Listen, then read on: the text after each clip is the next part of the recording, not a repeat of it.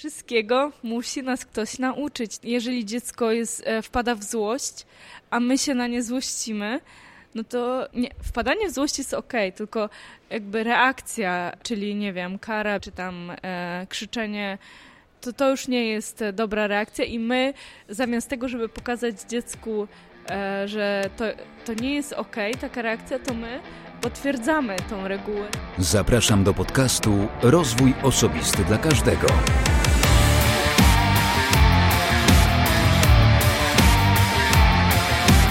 Ja nazywam się Wojciech Struzik i zapraszam Cię do wysłuchania 62 odcinka podcastu Rozwój Osobisty dla Każdego, który nagrywam dla wszystkich zainteresowanych świadomym i efektywnym rozwojem osobistym. W ostatnim odcinku moim gościem był Wojciech Grzybowski, z którym rozmawialiśmy m.in. o wykorzystywaniu gier rozwojowych na szkoleniach. Zanim przejdę do odcinka właściwego i przybliżę Ci postać mojego gościa, chcę powiedzieć Ci o dwóch, może trzech tematach. Postaram się zrobić to bardzo szybko. 1 i 2 kwietnia będę prowadził warsztaty w ramach targów pracy Career Expo we Wrocławiu. W opisie tego podcastu znajdziesz link do tego wydarzenia, a ja już teraz serdecznie zapraszam Cię na nie tylko swoje warsztaty, ale również warsztaty innych uczestników tych targów. Zapraszam do subskrybowania i obserwowania podcastu Rozwój Osobisty dla Każdego oraz bajkowego podcastu, bo jak wiesz, mam też drugi kanał, w którym czytam bajki dzieciom. Dziękuję również swoim patronom za wsparcie. Dziękuję Arturowi Molendowskiemu, Zbyszkowi Prochowi oraz innym anonimowym patronom. No dobrze, przejdźmy zatem do gościa tego odcinka. Będzie nim Krystyna Marczak. Krystyna jest autorką bajek terapeutycznych dla dzieci. Dwie bajki miałem przyjemność przeczytać w bajkowym podcaście, więc w opisie tego podcastu będziecie mieli również link do tych bajek, gdybyście chcieli zobaczyć, przeczytać, posłuchać tak naprawdę o czym te bajki są. Ale jest także certyfikowanym coachem kryzysowym. Brzmi poważnie, a co to tak dokładnie oznacza, dowiesz się już z samej rozmowy, do której za chwilkę serdecznie Cię zaproszę. W związku z przygotowaniem, ale i doświadczeniem Krystyny, Krysi, mojego gościa, rozmawialiśmy o samoocenie dziecka, o pewności siebie i o tym, jak pracować z dzieckiem w tych obszarach.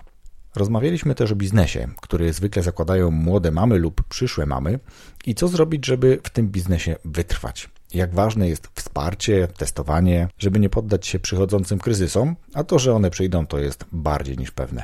No dobrze, to tyle tytułem wstępu, a teraz już gorąco zapraszam Cię do wysłuchania naszej rozmowy. Wszystkiego dobrego.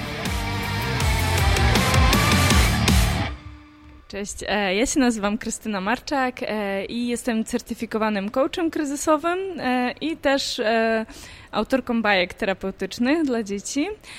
Pomagam głównie rodzicom w wychodzeniu z kryzysów. Zajmuję się tematami takimi jak właśnie rozwód czy utrata kogoś bliskiego, głównie z punktu widzenia dziecka, żeby jakby chronić to dziecko, mieć je na uwadze e, w takich trudnych sytuacjach, ale także też e, jakby pomagam rodzicom wychodzić z takich takich sytuacji bezsilności, bezradności w tym takim codziennym życiu.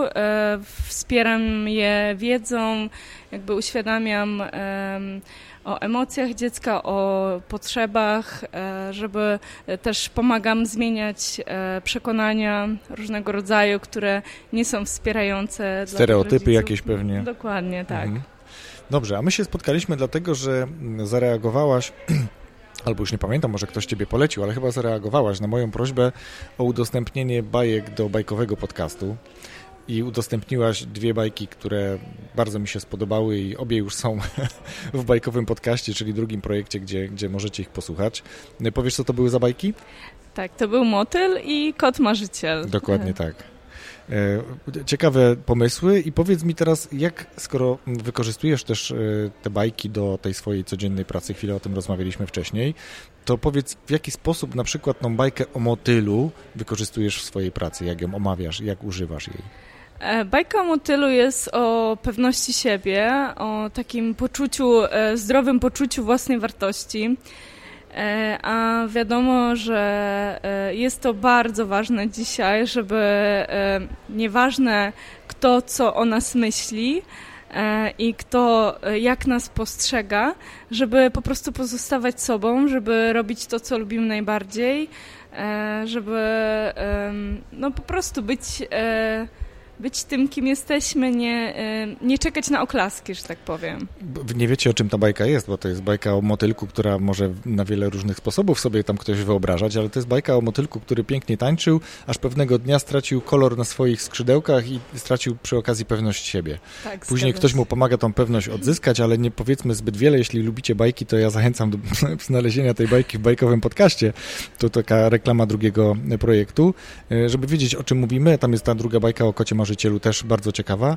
Mm, I teraz, jeżeli mówisz o mm, świadomości, pewności siebie w kontekście dzieci, no bo wtedy najczęściej tracimy, czy tracimy, y, zaczynamy tracić, o tak chciałem powiedzieć, zaczynamy tracić tą pewność siebie. Ja pamiętam, nie pamiętam już do końca, czyje to było wystąpienie, ale pamiętam, że mm, kiedy jest małe dziecko, malusieńkie, to nieważne, co zrobi to małe dziecko. Wszystko jest pięknie. Pięknie zjadło zupkę, pięknie zrobiło kubkę, tak to mówię. E, a później zaczyna się jakiś etap pewnie taki mm, późno przedszkolny albo wczesno szkolny, kiedy zaczyna się ta pewność no, trochę załamywać w tym dziecku, bo zaczyna mm, być oceniane. Chyba mhm. najczęściej o to tak. chodzi. Jak przeciwdziałać czemuś takiemu? Jak pracować z takim dzieckiem? Jak e, z nim rozmawiać, żeby nie doszło do czegoś takiego? Znaczy zawsze będą takie sytuacje, gdzie będzie wystawiana na próbę ta pewność siebie i nawet u dorosłych nie... nie A, o dorosłych to nierzadko.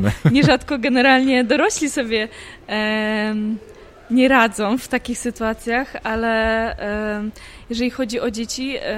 Ja testuję to na swoich dzieciach mhm. E, i też na dzieciach w przedszkolu, e, gdzie jeżdżę właśnie z moimi bajkami no to zawsze właśnie mówię mojej córce, która ma 7 lat, żeby pozostawała zawsze sobą. To, czy ktoś cię lubi, czy ktoś cię nie lubi, ma prawo do tego, tak? Mhm. Ale e, to nie oznacza, że jesteś jakiś gorszy, że jesteś jakaś gorsza, e, czy nie wiem, e, od razu coś ci się zmieni.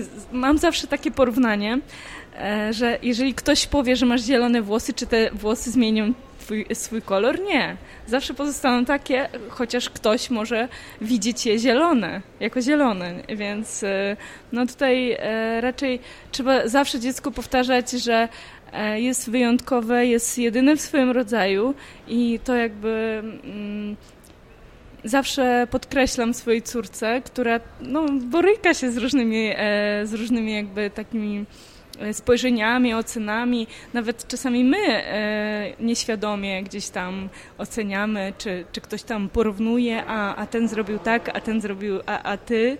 I właśnie, i tutaj dziecko czuje się wtedy gorsze i mm, no zawsze powtarzam, że, że nieważne, kiedyś miałam taką sytuację, e, że jeden chłopczyk powiedział, e, że jej nie lubi, że, że nie lubi mojej córki, E, ja mówię, no i co? I co mu powiedziałaś?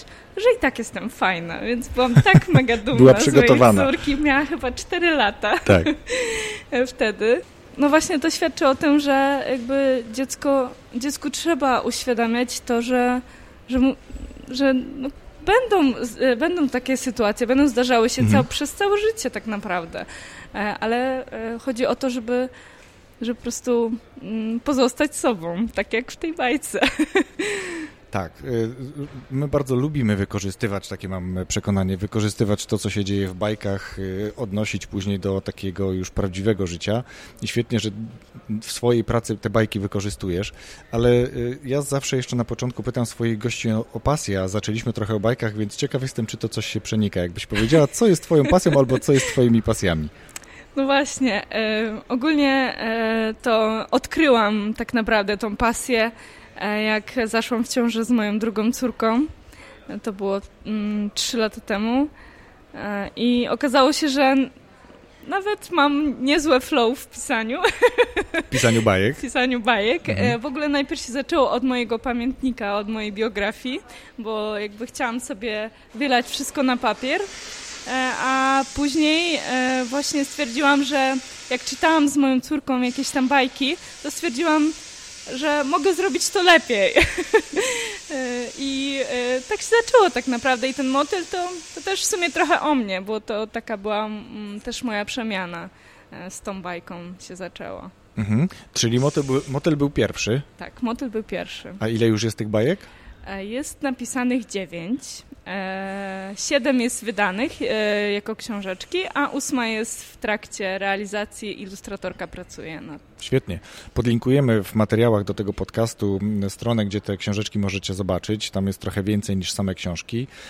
Ale ja chciałem zapytać też jeszcze o to, jak bo, bo wiesz, bo to się tak dzieje, że bardzo dużo działalności gospodarczych młode mamy zaczynają w okresie ciąży. No bo najczęściej już albo nie pracuję, bo nie mogę z różnych powodów, więc to trochę wymyślam, szukam sobie pracy takiej w domu, e, zajmuję się tą pracą, nawet być może fajnie się rozwija, myślę o tej pracy, nie, nie, nie nudzę się, później dziecko się rodzi, później się wiele sytuacji innych pojawia i ten pomysł biznesowy się kończy. Ty w nim ustajesz, bo druga córa, jak rozmawialiśmy, ma już 3 lata. Tak, tak. I, czyli można w tym wytrwać, można znaleźć taką działalność, taki biznes, w którym będzie się realizowało i wytrwa się w tym. Tak, e, wiesz co, ja generalnie te bajki zaczęłam tak sobie na boku pisać, e, wydawać. E, zaczęłam sobie testować, co z tego wyjdzie tak naprawdę. Potem spotkałam super grupę Business Mom, które wszystkie tak naprawdę zaczęły od tego, że najpierw zaszły w ciąży, potem nagle zmienił im się światopogląd i spotykamy się właśnie co miesiąc i wspieramy się tak naprawdę, ale też chodzi o pomysł, o, o znalezienie siebie i o to, czy tak naprawdę e, przez ten czas, jak jest ten trudny okres, ten początek, to wszystko wychodzi. Czy to jest naprawdę Twoja pasja, czy to robisz tylko dla pieniędzy i e, widzisz w tym właśnie tylko finansowy cel. Albo zabicie czasu albo dla zabicia czasu, albo dlatego, że nie chce wracać na etat, no to tak. będzie e, super świetną e, alternatywą, ale no właśnie czasami zdarza się tak, że jednak okazuje się, że nie nadaje się do tego. No ja też miałam różnego rodzaju kryzysy e, po drodze e, i nawet całkiem niedawno. Teraz jakoś na przełom roku tak mnie e, trochę podniósł e, i no i trwam i generalnie jestem na dobrej drodze, żeby wszystko to rozhulać no, y, takim na, na pełnych obrotach. -hmm. To wiesz co, dobrze, że powiedziałaś sama o tym, bo chciałbym cię trochę pociągnąć za język, dlatego, że bardzo dużo osób szybko się poddaje i mówimy o jakby w, w rozumieniu tego, że na przykład młode mamy zaczynają jakiś biznes w okresie ciąży, później z różnych powodów z niego rezygnują jest bardzo wiele podcastów, które ma kilka, kilkanaście być może odcinków i nagle to wszystko ustaje. Nie ma dalej, nie wiem, pomysłu, chęci, albo ktoś sobie zdaje sprawę, że jest to ponad jego siły. Jakie kryzysy ciebie dotykały? Z czego one wynikały? Wiesz co, y, czasami czułam, że jestem z tym wszystkim sama, że y, czasami brakowało mi właśnie pewności siebie, że prostu wyjść poza siebie. Czyli trochę najciemniej pod latarnią. No, czasem tak, e, ale powiem Ci, że przez ten rok, co e, właśnie e, tak zaczęło mi się właśnie z coachingiem wszystko rozkręcać, to naprawdę dla mnie osobiście był bardzo duży przełom, bo e, no, zaczęłam, zaczęłam nagrywać live'y na grupie swojej. Wyjście ze strefy komfortu, e, jak tak. ja to lubię mówić, e, bardzo mocne. I naprawdę miałam takie blokady, że aha, tutaj mam dużo znajomych, a co oni powiedzą? Mm -hmm. Właśnie. Mm -hmm. oni... Ale wiesz co, powiem ci, że ze swojego doświadczenia jakby... to, to dużo znajomych nie reaguje na to w ogóle. W ogóle. E, no, ale gdzieś tam my sobie w głowie tworzymy takie scenariusze mhm. sami, właśnie Dokładnie. sami i przez to wpędzamy się najpierw w spiralę stresu, a potem zaczynają te myśli stawać się naszymi jakimiś tam nawykowymi myślami i zaczynamy po prostu cały czas jakby żyć tym i to staje się naszym takim przekonaniem i, i trwamy w tym. I ostatnio właśnie w środę miałam warsztaty z rodzicami, e, gdzie mówię że wcale tak nie jest, wcale tak nie musi być i po prostu każda mama jakby otwierała oczy, że aha, no to, czyli to zachowanie dziecka jest normalne, tak? I właśnie jakby no, były zaskoczone tym, że jednak no, to są tylko nasze przekonania, e, które wcale no, nie muszą być takie, jakie my sobie tam w głowie wytworzyliśmy, więc tak naprawdę chodzi o, o zmianę swoich myśli. Mhm. No, to, co powiedziałaś, to jest dosyć istotne, dlatego że my myślimy, co inni o nas myślą. Tak. A tak naprawdę oni myślą dokładnie to, co my, czyli oni myślą, co inni o nich myślą, a nie co właśnie zrobiła pani Krysia, Kasia, Gosia czy, czy Wojtek. Nie? I to jest coś, czego, o czym warto sobie przypominać w momencie, kiedy się o coś obawiamy czegoś obawiamy. Tak jak ty powiedziałaś, że zaczęłaś robić live'y. Ja też testowałem to rozwiązanie cały, mm, może nie cały, ale przez kilka tygodni w ubiegłym roku robiłem takie poniedziałkowe kwadransy rozwojowe. No ja przez godzinę.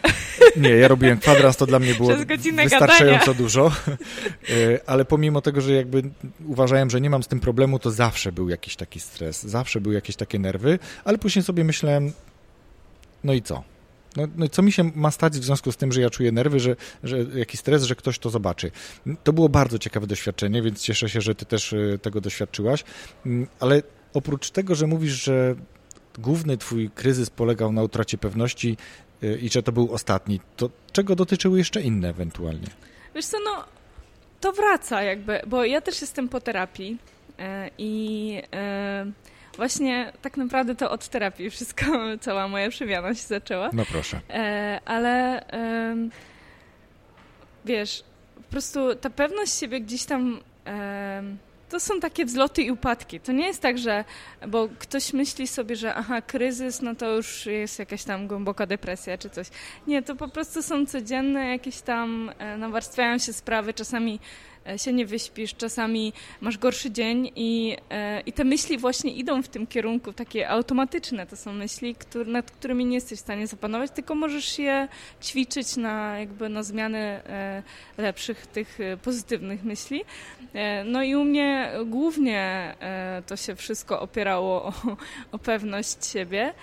I to właśnie takie, a kto jak mnie oceni i taka presja otoczenia, ale to była taka presja w mojej głowie, że o Jezu, a, a zawiodę tego i tego, albo kogoś mhm. tam jeszcze. No i po prostu to było takie, że sobie sama tworzyłam i jeszcze bardzo ciekawym doświadczeniem właśnie były te ostatnie e, moje warsztaty, bo miałam wcześniejsze, gdzie e, miałam też ankiety na koniec tych warsztatów i e, byłam super zadowolona z warsztatów, po czym wracam do domu, czytam ankiety w połowie pozytywne. Nie, oczywiście wszystko było jakby e, pozytywnie, tylko mhm. jakby ja to widziałam, że chciałabym najwyższą ocenę dostać E, a, i od razu jakby zaniżałam to do, do takiego poziomu zero.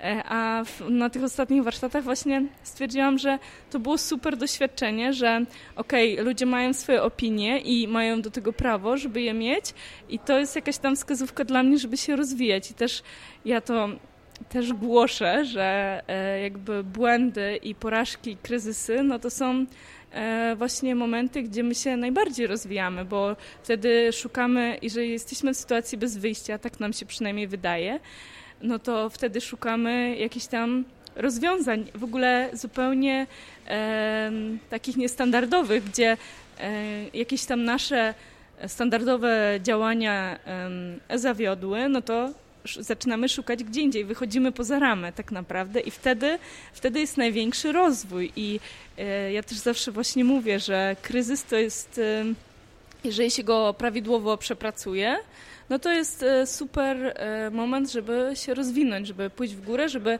nabyć e, nowe doświadczenie i czegoś się nauczyć na tym. Dobrze, że mówisz o rozwoju, o takiej przemianie, bo to jest jakby bardzo dobre miejsce, podcast o rozwoju osobistym dla każdego. Dla ciebie duża przemiana w momencie terapii i później trochę ciąży i tego, że wymyśliłaś sobie swój pomysł na siebie. Wcześniej pracowałaś chyba na etacie, tak? Tak. To było coś takiego podobnego, jeśli chodzi Nie. o kwestię działalności? pewnie zupełnie coś innego? Kompletnie No dobra, no to bajka. dawaj, to co to było? to było, e, byłam specjalistą do spraw kontrolingu w korporacji. No widzicie, więc można dojść do wniosku, że że pięć lat studiów finansowych i całe e, dziesięcioletnie doświadczenie e, w, na etacie, jednak to nie jest moja bajka. miałaś możliwość e, przetestować, testujesz już od pewnego czasu, pomimo tego, że robisz to mm, z pasją, z sercem, z zaangażowaniem, z misją, to i tak masz gorsze dni, momenty, kiedy, kiedy zastanawiasz się, czy to jest dobry kierunek. Mm, to jest chyba też coś, co mamy nawet gdybyśmy pracowali na etacie i gdziekolwiek indziej, mamy momenty zwątpienia. Ja się śmieję trochę tak w duchu, bo chciałem nawiązać do tego, co ty powiedziałaś, że ten przełom roku dla ciebie był takim bardziej in plus, mhm. że wtedy zrozumiałaś, że okej, okay, dobra, otrząsnę się i zaczynam mhm. sobie coś tam działać, nakreślam nowy plan, koryguję stary, cokolwiek. Mhm. A, a, często jest tak, że ten przełom roku, szczególnie, że to był szczególny przełom roku, bo to był, e, to jest przełom dekady, e, to to jest taki, nawet jest słowo na to, nie? Takie, dekadencja, czyli takie, takie e, z, mm, więcej złych myśli niż dobrych w związku z tym, że się kończy jakiś taki duży okres czasu. E, ale myślę, że nie ma co upatrywać tutaj w tym, czy to było koniec dziesięciolecia, mm -hmm. koniec roku. Każdy moment na rozpoczęcie jakiejś nowej działalności, nowych obszarów rozwoju jest dobry. Co byś powiedziała, albo komu byś powiedziała, że warto podejmować wszelakie starania, żeby nie stać w miejscu? E, no, tutaj generalnie do rodziców, bo tak naprawdę z rodzicami pracuję e, i ja w ogóle zauważyłam wśród rodziców e, jeden problem, że mm, rodzice nie wychodzą po wsparcie, bo gdzieś tam czują, że inni sobie radzą, to ja też sobie poradzę. A kiedy się spotykałem właśnie na moich warsztatach, to jednak się okazuje, że każda z tych dziesięciu osób ma taki sam problem, taki sam kryzys.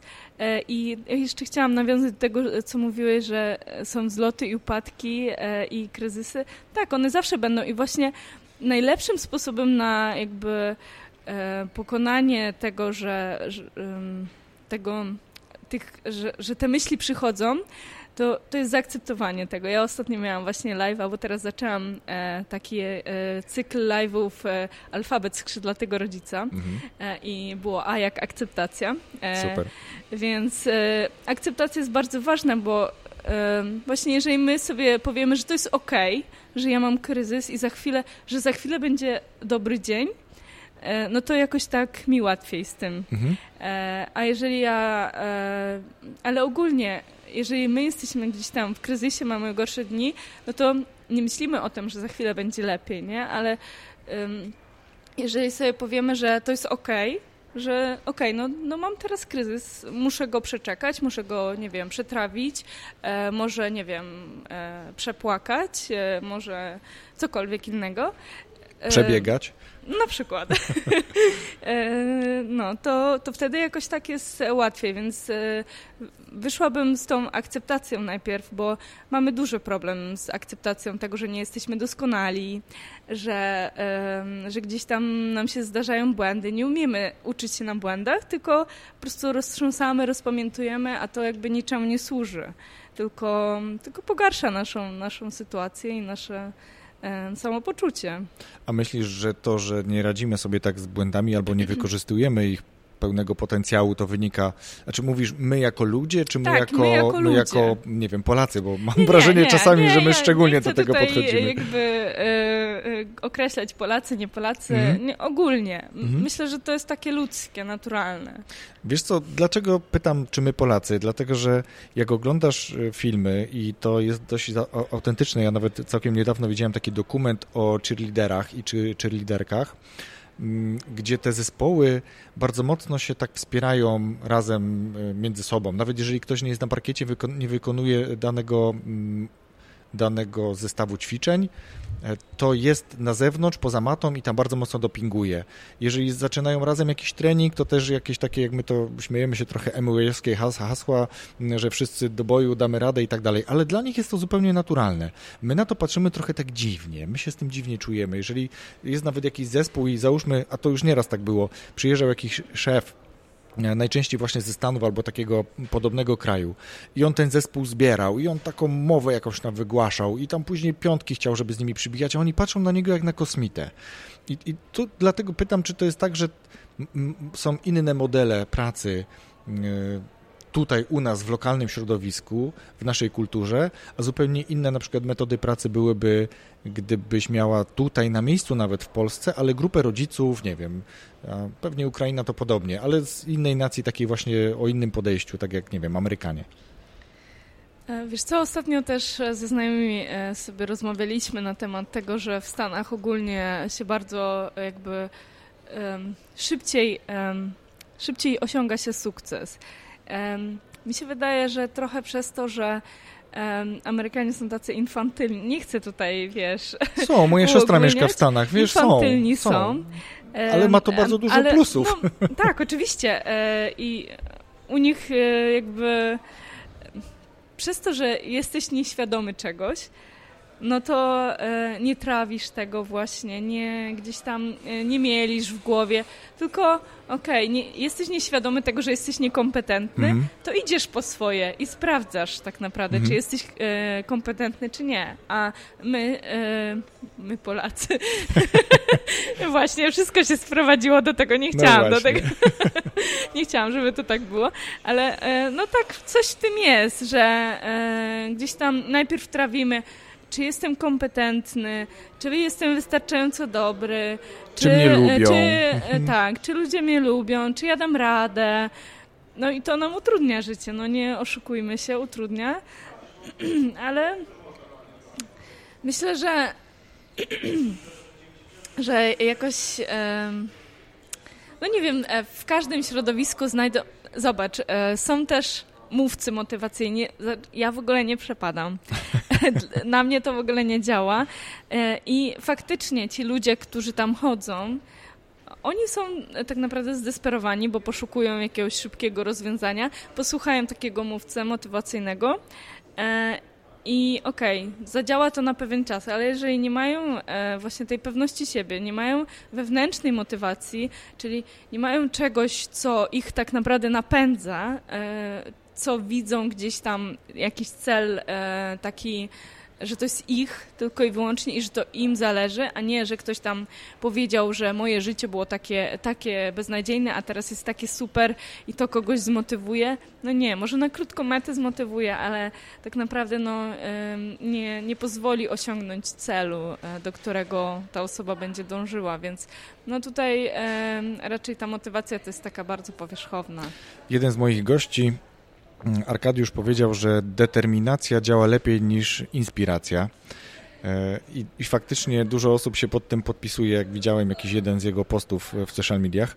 Mm, ale ja chciałem tak naprawdę wrócić znowu do tych naszych rodziców, bo ja myślę, że tu się bardzo dużo e, zaczyna e, i od naszych rodziców bardzo dużo zależy. E, są osoby, które na przykład nie miały rodziców albo miały jakąś trudną sytuację i też wychodzą na ludzi, jakby, czy, czy odnoszą sukcesu, więc jakby to nie jest y, wyznacznik i to nie jest y, reguła, ale od tego, jak rodzice podchodzą do dziecka, jak, y, jak wspierają go w różnych procesach, jak wspierają go w rozwoju właśnie między innymi, to później też determinuje jego późniejszą karierę, rozwój, y, traktowanie życia czy, czy otoczenia. Ja dlaczego o tym mówię? Bo ty powiedziałaś o tym, że rodzice właśnie mm, wspomagają. Ja sobie przypomniałem wtedy bardzo szybko, że y, jak byłem dzieckiem, to teraz sobie dopiero z tego sprawę zdaję.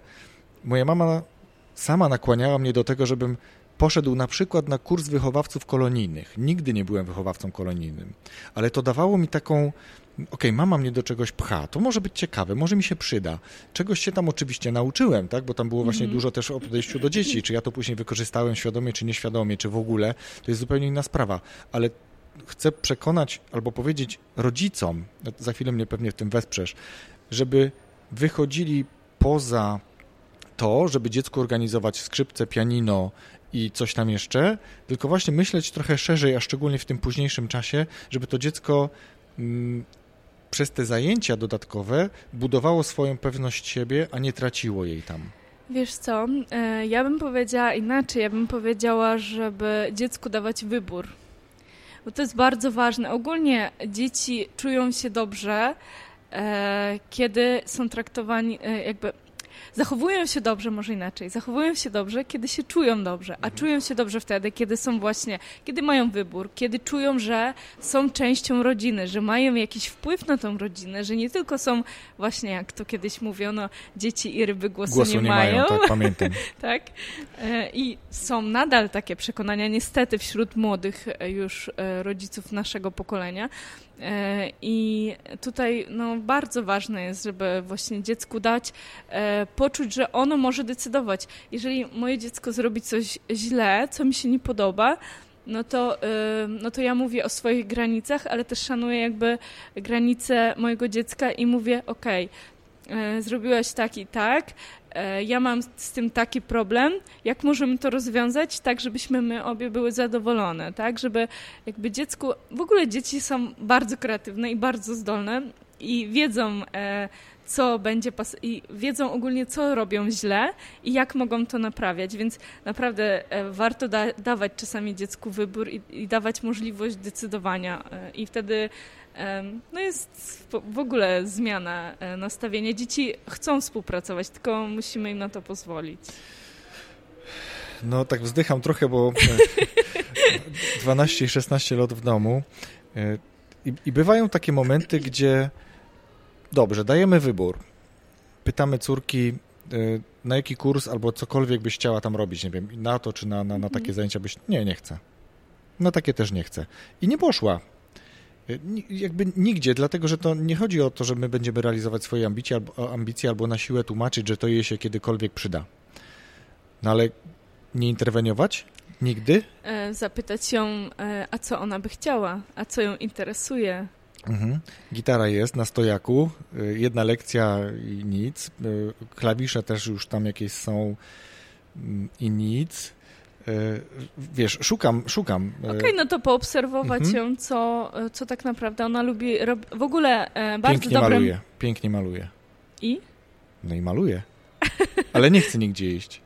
No to e, dać jej czas, może nie jest gotowa. Mhm. E, nic na siłę tak naprawdę, no bo jeżeli my by, oczywiście e, warto gdzieś tam dawać na jakieś e, kursy, dodatkowe zajęcia i tak dalej, nie, jakby można próbować jeszcze raz, nie, nie że tak, okej, okay, ona powiedziała nie, no to ja już, no poddaję to już nie się. próbuję, mhm. nie, nie poddaję, e, podaję się i już nie będę próbować, nie będę pytać, e, niech ona sobie robi co chce, nie. E, może teraz nie jest gotowa, może za chwilę przyjdzie i powie, okej, okay, namyśliłam się, że jednak może to mi się przyda. Mm, w ogóle nastolatki mają to do siebie, że one szukają Szukają badają. siebie, mhm. badają. I to jest, ja zawsze mówię, że to jest bardzo podobny okres rozwoju e, do dwuletniego dziecka, czyli ten bunt nastolatka. Nie lubię tego słowa, mhm. ale użyję tego, bo to jest powszechnie używane. bunt nastolatka i bunt dwulatka jest bardzo podobny rozwój mózgu. E, czyli mózg tak bardzo się roz, rozwija, e, że człowiek, ten człowiek właśnie nie nadąża za tym i on nie wie czy on chce to, czy on chce tamto e, i szuka, tak naprawdę bada. I właśnie warto wspierać, warto być przy dziecku, właśnie zaznaczyć, że okej, okay, jestem tutaj, E, jeżeli będziesz chciała mojej rady, no to, e, no to jestem. E, jeżeli będziesz chciała wsparcia, to też jestem. Nie naciskam, ale przyjdę za jakiś czas, zapytam mhm, jeszcze raz. Nie? Więc no tutaj trzeba dać taką swobodę, bo no, nastoletni wiek no, jest bardzo trudny dla samych nastolatków nawet. Tak, dla rodziców też. Mm, tak. I tu chciałem ciebie zapytać o taką rzecz. Masz trójkę, masz, masz trzylatkę i siedmiolatkę. siedmiolatkę tak. e, czy umiałabyś powiedzieć, to znowu trochę, trochę taki stereotyp, ale mówi się małe dziecko, mały problem, duże dziecko, duży problem. Odniesiesz się od tego? Wiesz co, e, ja uważam, że każdy etap, który przechodzi dziecko, ma e, swoje zmartwienia. I to nie jest tak, że duży, zależy jak do tego podejdziemy. E, I to zależy od naszego nastawienia. Jeżeli się nastawimy, ok, małe, moja mama e, zawsze mówiła, że e, małe dzieci nie dają spać, duże dzieci nie dają żyć. Więc nie wiem, czy coś w tym jest. E, to zależy od naszego podejścia. Jeżeli się tak nastawimy, że tak faktycznie jest, to będziemy po prostu wszystkie nasze myśli, wszystkie nasze, cały nasz nastrój, całe nasze jakby zachowanie kierować w tym kierunku, że właśnie tak jest, mhm. że, nasz, że duże dzieci nie dają żyć. O Boże, mam nastoletniego syna, nie, nie daje mi żyć, nie? I e, mi się wydaje, że tu chodzi właśnie o podejście, bo małe dzieci też e, jakby potrzebują cały czas na przykład mamy i ta mama chce, nie chce, musi być przy tym dziecku, tak? No, mhm. ja zawsze mówię, że nie musi być cały czas mama, tak? tak? Bo, bo to też jest jakieś tam przekonanie, że, że to mama musi być, tak? I, I te mamy 24 godziny na dobę i potem one nie mają nic, to co mogą dać dziecku, kiedy nie mają cierpliwości, kiedy nie mają e, siły, energii, no to co mogą dać dziecku? Nic tak naprawdę. Mhm. I, I, muszą, ja zawsze mówię, że, że no muszą zadbać o siebie,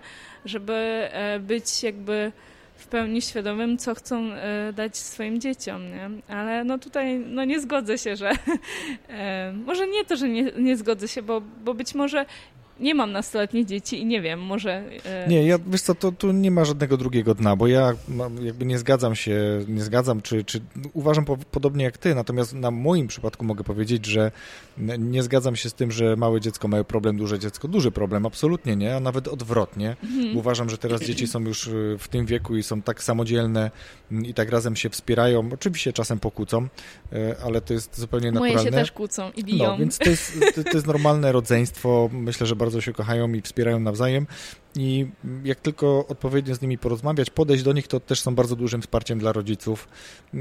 Pewnie nie wtedy i nie zawsze, ale, ale są.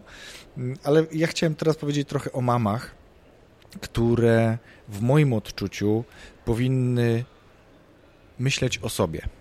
Tak. tak. Myśleć o sobie, dlatego że jeżeli chcę dać dużo dziecku, to muszę myśleć o sobie, a nie o dziecku. Znaczy, w sensie tak, nie tak, wyłącznie tak, ja o sobie, tak? ale myśleć o sobie, żeby mieć tą energię, żeby mieć pomysł, mieć taką kreatywność, co ja później z tym dzieckiem zrobię, żeby mieć czas na to, żeby się spotkać ze znajomymi, a tak. jak pracuję albo mogę wrócić do pracy, to wrócić do pracy. A jeśli chcę otworzyć działalność, otwórz tą działalność, potestuj, popróbuj, podenerwuj się, potrać tą pewność siebie, jak ty przed chwilą opowiadałaś, ale to jest moim zdaniem bardzo istotne i rozmawiając z wieloma koleżankami, to jest ważne, żeby mama była w zdrowiu, w zgodzie ze sobą, zadowolona, szczęśliwa i wtedy będzie dobrze umiała podejść do dziecka. Tak, ja ci powiem na swoim przykładzie. Jak urodziłam tą drugą córkę, miałam problemy właśnie z karmieniem i próbowałam i próbowałam i próbowałam i wszyscy, no przecież, no musisz karmić i e, w końcu stwierdziłam, e, no i moje dziecko nie nabierało na wadze i w końcu stwierdziłam, że e, no ono Nic nie potrzebuje mamy, która się denerwuje, która płacze po nocach, czy tam cały czas e, i za chwilę wpadnie w depresję, tylko potrzebuje szczęśliwej mamy. I stwierdziłam, że no, świat się nie zawali, jak będę ją dokarmiać i, no, i zupełnie się wszystko odmieniło tak naprawdę. I no, ja zawsze cały czas mówię, że mm, nie wiem, te mamy mają jakieś takie przekonania, że jeżeli wyjdą gdzieś bez dziecka, to już są złymi rodzicami, zadręczają się, uważają, że muszą mieć na błysk dom posprzątany i przy tym wszystko zrobione w domu i jeszcze dziecko ogarnięte i jeszcze gdzie ten czas dla dziecka poświęcić, taki bez bez telefonów, bez telewizorów i, i innych e, jakichś tam e, dystraktorów, mhm. tak. e, więc to jest niemożliwe i y, jakby mamy otwierają y, oczy, aha, no to nie muszę tak, tak działać, mogę, mogę sobie wyjść y, i, albo mówię, że jeżeli się zdarzy nam nakrzyczeć na dziecko, no to nie oznacza, że jesteśmy złymi rodzicami tak. od razu, tylko no to są błędy, które popełniamy, bo jesteśmy niedoskonali i tyle. I jakby warto przeanalizować i iść dalej i E, i coś tam wywnioskować e, z tych sytuacji, które się zdarzają. Teraz jeszcze taką jedną rzecz chciałem e, poruszyć, o jedną rzecz zapytać. Jest coś takiego, że jako mm, ludzie mamy potrzeby, mamy. Mm, chcę powiedzieć o tym, że idziemy do szkoły, uczymy się. Później mamy kolejną szkołę, kolejny etap. Kiedy przychodzi do tego, że myślimy o mm, życiu z drugą osobą, e, no to też są jakieś tam szkółki przedmałżeńskie, tak się kiedyś chodziło, nie wiem, czy ty kojarzysz, ale tak się chodziło. E, w momencie, kiedy kobieta jest w ciąży, są szkoły rodzenia, czyli znowu uczymy się jakichś nowych rzeczy. Ale to jest już jakby zawsze ten moment, że to już jakby jest, nie?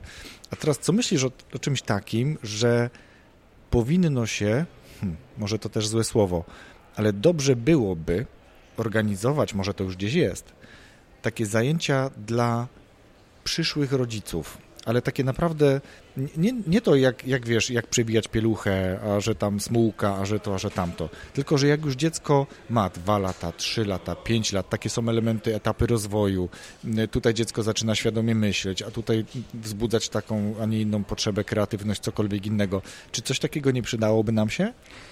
E, ale masz na myśli jakieś zajęcia dla dzieci, bo nie, nie do końca nie, rozumiem. Nie przygotowanie rodziców do bycia rodzicem, bo ty mówisz o tym, że nie jesteśmy doskonali. Ja nawiązuję, bo to już też były inne rozmowy z innymi gośćmi, że nikt nas nie uczy bycia rodzicem. Mhm. My się uczymy od naszych rodziców, popełniamy bardzo często te same błędy, a może staramy się unikać błędów, które w naszej ocenie popełnili w stosunku do nas nasi rodzice, no ale udaje nam się albo się nie udaje. Czy myślisz, że organizowanie takich zajęć, spotkań dla osób, które są, chcą... jest bardzo no dużo takich rzeczy mhm. i no, między innymi też moje warsztaty. e, e, Generalnie jest teraz bardzo duży nacisk na to, żeby uświadamiać rodziców. E, Ale to są rodzice, którzy już mają dziecko. Tak. Ja mówię o czymś takim, że jeszcze nie masz dziecka. Tylko nie wiem, czy tacy rodzice e, mają na tyle dużo motywacji, żeby ucze, uczęszczać. No bo na, na pewno mają dużo czasu. Bo później się okazuje, że jest dziecko i później każdy się tak skrobie po głowie, to co ja robiłem wcześniej z tym czasem? Teraz no jest dziecko, trzeba zrobić to, to, to, to, to i to i to się robi, to się dzieje.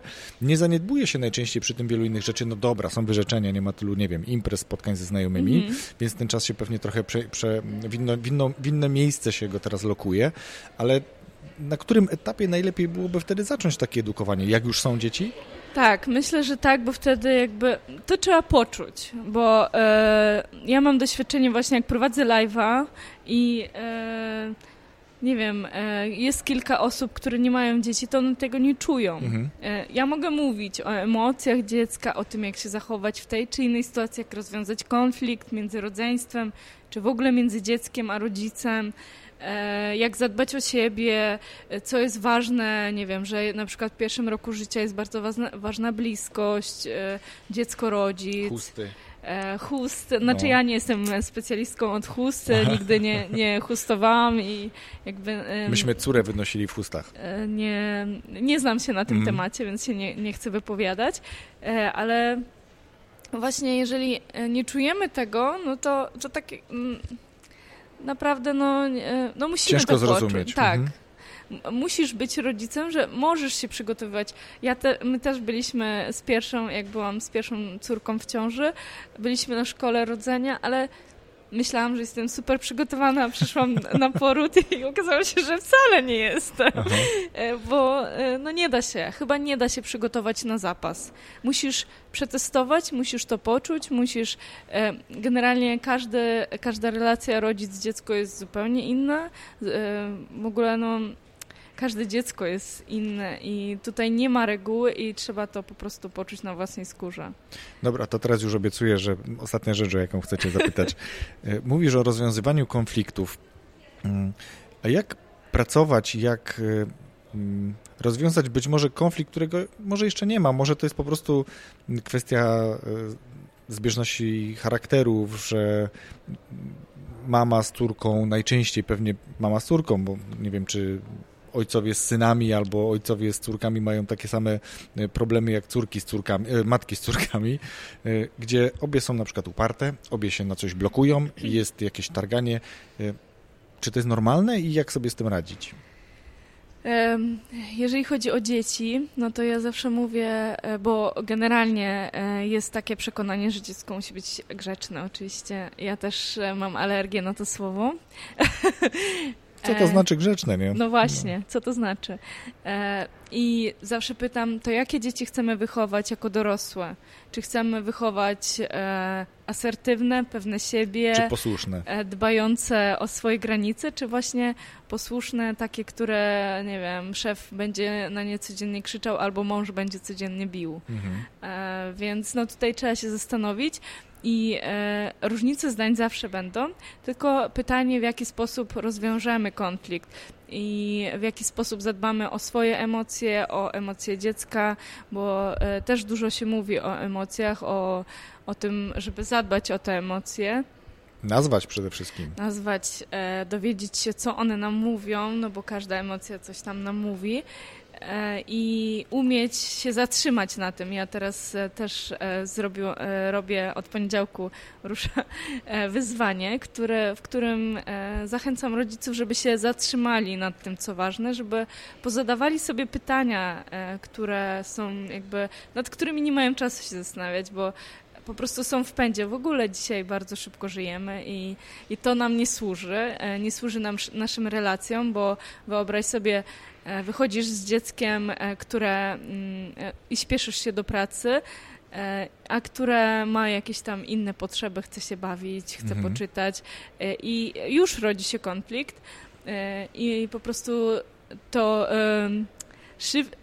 ten, ten pęd w ogóle nam nie służy, bo jeżeli byśmy mieli więcej czasu, byśmy mogli e, zapytać to dziecko, co, co ono, jaką ma teraz potrzebę e, i może rozwiązać łatwiej ten konflikt, a to, że przez to, że my się śpieszymy, że cały czas żyjemy w pędzie, no to chcemy szybkich rozwiązań, a szybką, szybkim rozwiązaniem jest co? Kara. Mhm. Kara nie służy relacjom, więc potem właśnie wychodzą nastolatki, które e, nie szanują jakby zdania rodziców, nie, w ogóle nie liczą się ze zdaniem rodziców, tylko e, idą do towarzystwa, jakby, znaczy idą w takie... Tam, gdzie jest aprobata. Dokładnie, tam, gdzie mogą e, liczyć właśnie na, jakieś, na jakąś aprobatę, na, na jakieś wsparcie, akceptację, jakiegokolwiek e, rodzaju jest to wsparcie. Może to być e, bardzo toksyczne mhm. E, towarzystwo, ale wtedy czują się ważne te dzieci i tak naprawdę budowanie relacji, no to się zaczyna od samego początku. Nie kiedy dziecko jest już nastoletnie, mhm. tylko od początku. No i właśnie kary, no to dziecko jakby czuje się od razu odrzucone nieakceptowane, no bo e, jest, jest akceptowany tylko wtedy, kiedy zachowuje się dobrze, czyli mhm. mama mnie nie kocha, e, kiedy e, zrobię coś źle. Mhm. Więc... Kiedy się z nią nie zgodzę, albo Dokładnie, mhm, nie więc chcę zrobić tego, albo będę się zgadzać i będę posłusznym dzieckiem, albo zbuntuję się i będę cały czas buntownikiem. Jasne. No to tak y, spuentowałbym tylko, że generalnie są po prostu okresy, kiedy jest fajnie i się przytulamy i spijamy sobie z dzióbków, ale są też okresy, kiedy mamy różnicę charakterów i to jest nie tylko w relacji rodzic-dziecko, ale i partner-partnerka, rodzeństwo między sobą, czy my ze znajomymi, czy współpracownikami w pracy. I to jest zupełnie naturalne, że są momenty, które są dobre, fajnie się wspomina, ale są też momenty takie, gdzie się na kogoś wkurzamy i to jest zupełnie naturalne, później to ustępuje, wyjaśniamy sobie, co było, nie wiem, podłożem tego konfliktu czy różnicy i jedziemy dalej. E, tak, to jest e, zupełnie normalne i to też trzeba zaakceptować, ale ja zawsze też mówię, że najlepszym rozwiązaniem na konflikt jest empatia. E, to jest Wejść najlepsze... w czyjeś buty. E, najlepsze, naj, najlepsze lekarstwo tak naprawdę, mhm. e, ale nie taka empatia, że ok, ja zrezygnuję z siebie e, i, i poświęcę się tobie, nie, tylko e, ok, ja mam taką potrzebę, ty masz taką. No to może jakoś dojdziemy do wspólnego rozwiązania. Co proponujesz? I też tak jak Ci wcześniej wspominałam, to, to zawsze angażować te dzieci, czy to działa też między dorosłymi, tak? Mhm. Bo jeżeli, e, kto, jeżeli partner, partnerka widzi, że słyszy, że, że ja cię rozumiem, że widzę, że, że masz taką potrzebę, ale nie mogę ci jej spełnić, bo jeżeli spełnię twoją potrzebę, no to zrezygnuję ze swojej, to musimy jakoś się dogadać i e, tu nie chodzi też o kompromisy, tylko, bo w kompromisie zawsze też e, jedna osoba jest pokrzywdzona. To nie jest win-win kompromis. E, dokładnie, ja właśnie mówię... Aczkolwiek są kompromisy takie, gdzie mówisz, dobrze, okej, okay, to dzisiaj zrobimy to, ale jutro zrobimy to. Jeżeli I, to, i to jest to okay, nie, tak, tak, dopóki to dla ciebie to jest mhm. okej, okay, no to nie ma sprawy. Mhm. Natomiast jeżeli rezygnujesz już z siebie, a dajesz drugiej osobie, no to już nie jest To nie jest kompromis. to nie jest kompromis. to nie jest kompromis. Chociaż no, może nam się wydawać, że tak, czasami tak. to są takie zakamuflowane kompromisy. To, to, coś taki kompromis to jest, wiesz, To jest taka anegdota trochę e, u takich starszych trochę małżeństw czy partnerstw, albo mam rację, albo mam święty spokój. I to, i to jest trochę o tym, nie? Że, że mogę mieć rację i będę się o to sprzeczał, będę się wykłócał, mhm. albo uznaję w cudzysłowie kompromis. E, tak, masz rację. Chociaż uważam, że jest inaczej. No właśnie. Dlatego e, no, e, wejście właśnie w czyjeś buty, tak jak powiedziałeś, i, i E, pokazanie drugiej osoby, tak, widzę cię, słyszę cię e, i rozumiem, ale nie mogę ci w tej chwili pomóc, mhm. no to, to jest okej okay dla mnie. Ja myślę, że my uczymy się dopiero takiego rozmawiania, że tego to nie jest normalne dla nas, że my tak rozmawiamy ze sobą. Oczywiście, że nie, bo nikt nas tego nie uczył. No właśnie, do tego nawiązuję. Wszystkiego musi nas ktoś nauczyć. Tak mhm. samo jeżeli dziecko jest, e, wpada w złość, a my się na nie złościmy, no to my uczymy tego, że złoszczenie się, wpadanie, e, nie, wpadanie w złość jest ok, tylko jakby reakcja, mhm. e, czyli nie wiem, kara, bicie, czy tam e, krzyczenie, no to to już nie jest dobra reakcja i my zamiast tego, żeby pokazać dziecku, e, że to, to nie jest ok, taka reakcja, to my potwierdzamy tą regułę, że tak, że ja tak samo się zachowuję i, e, i to dziecko, które e, dorośnie, to będzie e, tak samo reagować na tą złość. Dlatego, że nikt nas nie nauczył i jeżeli my e, nauczymy dziecko, właśnie e, zauważymy, ok, teraz się złościsz, widzę to, no to e, to dziecko też będzie samo swoje emocje zauważało i będzie umiało inaczej na to reagować. A jeżeli nas tak wychowano, jak wychowano, no to my musimy, my, ja w ogóle mówię, że my jesteśmy e, takim pokoleniem bardzo przejściowym i jest nam Przełomu. bardzo e, trudno mhm. generalnie, mhm. bo nikt nas nie nauczył, a my musimy nauczyć. Więc my teraz w dorosłości musimy się najpierw sami nauczyć, a potem uczyć Żeby dobry dzieci. przykład dawać. Dokładnie. Bo dzieci nie słuchają tego, co się do nich mówi, natomiast tak. pięknie obserwują. tak, oni są... Ba- e, Albo słuchają są... mnie wtedy, kiedy powinny. tak, na słowo czekolada zawsze jest reakcja. Dokładnie. Dobrze. Krysiu, wiesz co, rozmawialiśmy o tym, e, jakie ciekawe książki można byłoby w kontekście tego, o czym rozmawiamy, przytoczyć i powiedziałaś, że no pewnie, że masz. Więc co to są za książki? Książki, czy też nawet niekoniecznie, ale myślę, że to będą książki. Co byś poleciła słuchaczom tego podcastu w kontekście pewnie relacji z dziećmi, relacji w ogóle?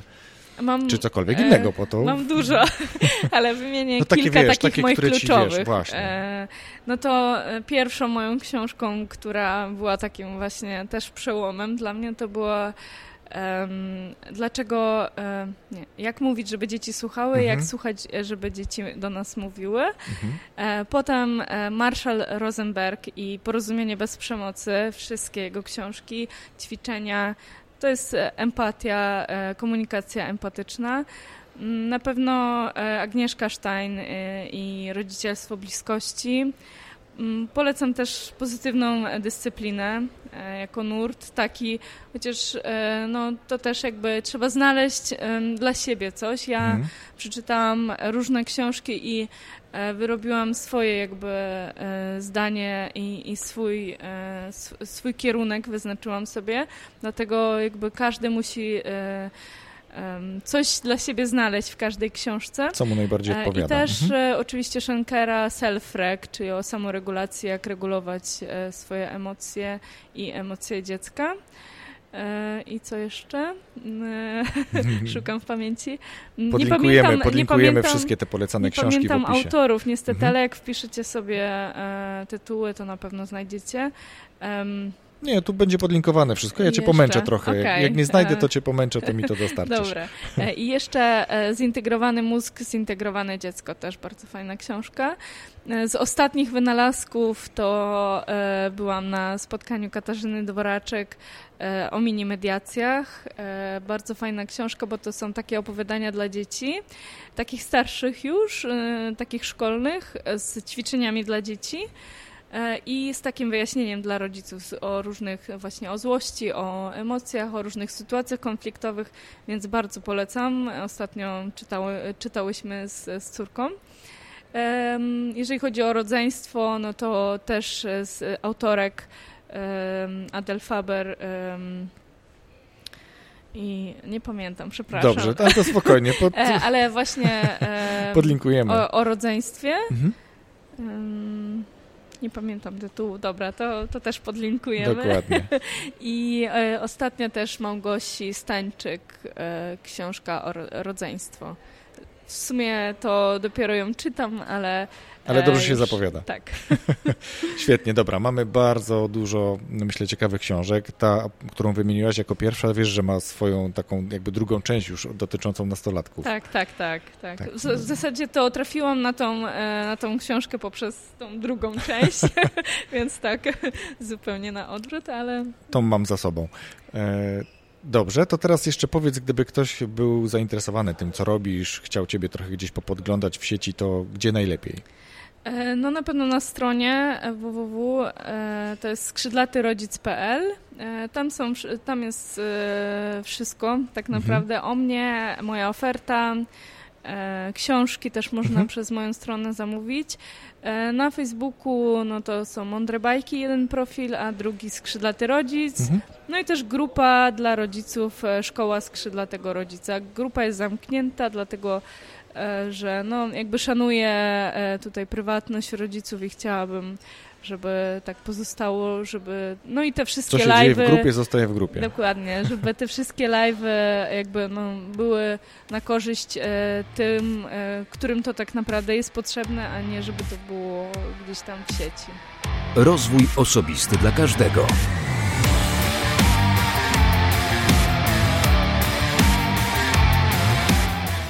Dziękuję za wysłuchanie tej rozmowy.